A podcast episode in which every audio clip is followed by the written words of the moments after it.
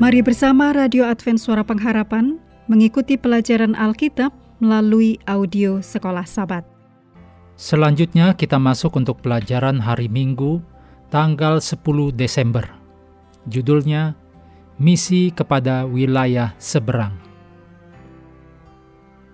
Mari kita mulai dengan doa singkat yang didasarkan dari Roma 9 ayat 30. Bahwa bangsa-bangsa lain telah beroleh kebenaran, yaitu kebenaran karena iman. Amin.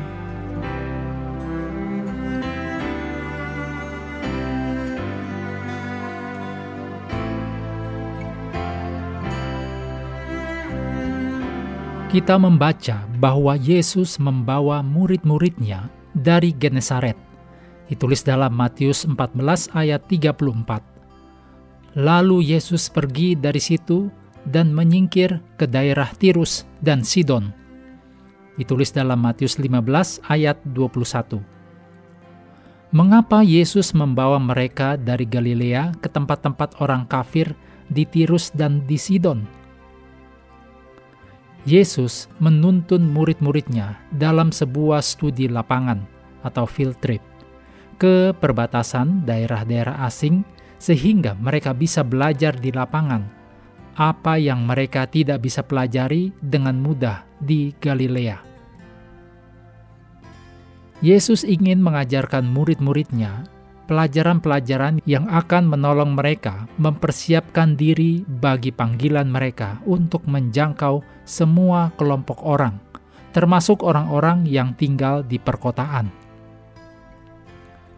Dalam Hakim-hakim 3 ayat 1 sampai 6, 1 Raja-raja 5 ayat 1 sampai 12 dan 1 Raja-raja 11 ayat 1 sampai 6 Ayat-ayat ini menolong kita untuk mengerti sedikit tentang latar belakang dari kota-kota ini.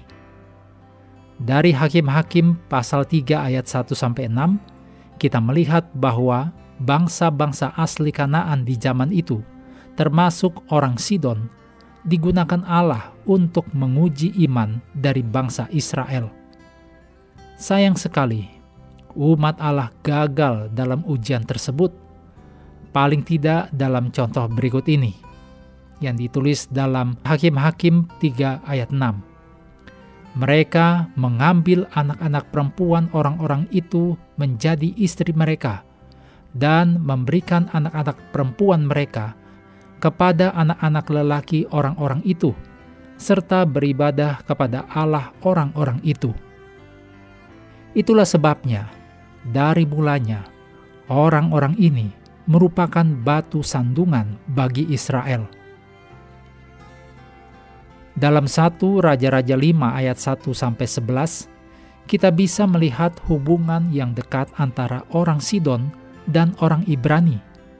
Saat itu Salomo mengikat perjanjian dengan Hiram, Raja Tirus, dan mengandalkan keahlian orang Sidon dalam pengadaan kayu sebagai bahan bangunan bait suci walaupun dalam satu level ikatan ekonomi di antara mereka sama-sama membawa keuntungan, tetapi tidak diragukan lagi.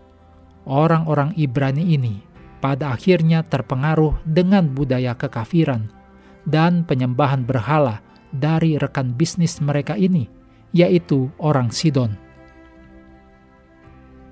1 Raja-Raja 11 ayat 1 sampai 6 tentang Salomo jatuh dalam penyembahan berhala, menyatakan bagaimana pengaruh negatif itu terjadi. Raja Salomo menikah dengan seorang ratu dari Sidon yang membuat dia tersesat. Sebagaimana ditulis dalam 1 Raja-Raja 11 ayat 5 dikatakan, Demikianlah Salomo mengikuti Asitoret, dewi orang Sidon, dan mengikuti Milkom, dewa kejijikan sembahan orang Amon. Namun, terlepas dari sejarah kekafiran, penyembahan berhala dan pengaruh negatifnya terhadap bangsa pilihan, Yesus masih membawa murid-muridnya ke daerah-daerah ini.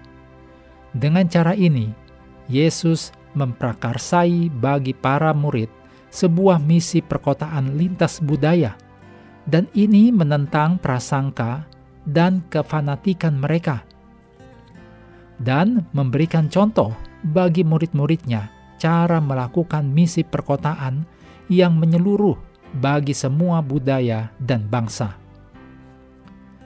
Banyak tantangan yang dihadapi oleh misionaris Advent di perkotaan, termasuk di antaranya masalah kesehatan dan lingkungan. Yang lainnya termasuk biaya hidup yang tinggi, rasisme, kefanatikan, nasionalisme, dan pembatasan kebebasan beragama dan berekspresi.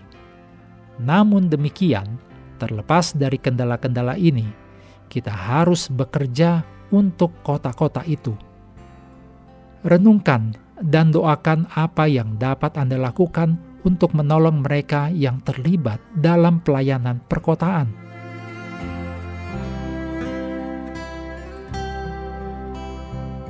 Mengakhiri pelajaran hari ini, mari kembali ke ayat hafalan Matius 15 ayat 28. Maka Yesus menjawab dan berkata kepadanya, "Hai ibu, besar imanmu, maka jadilah kepadamu seperti yang kau kehendaki.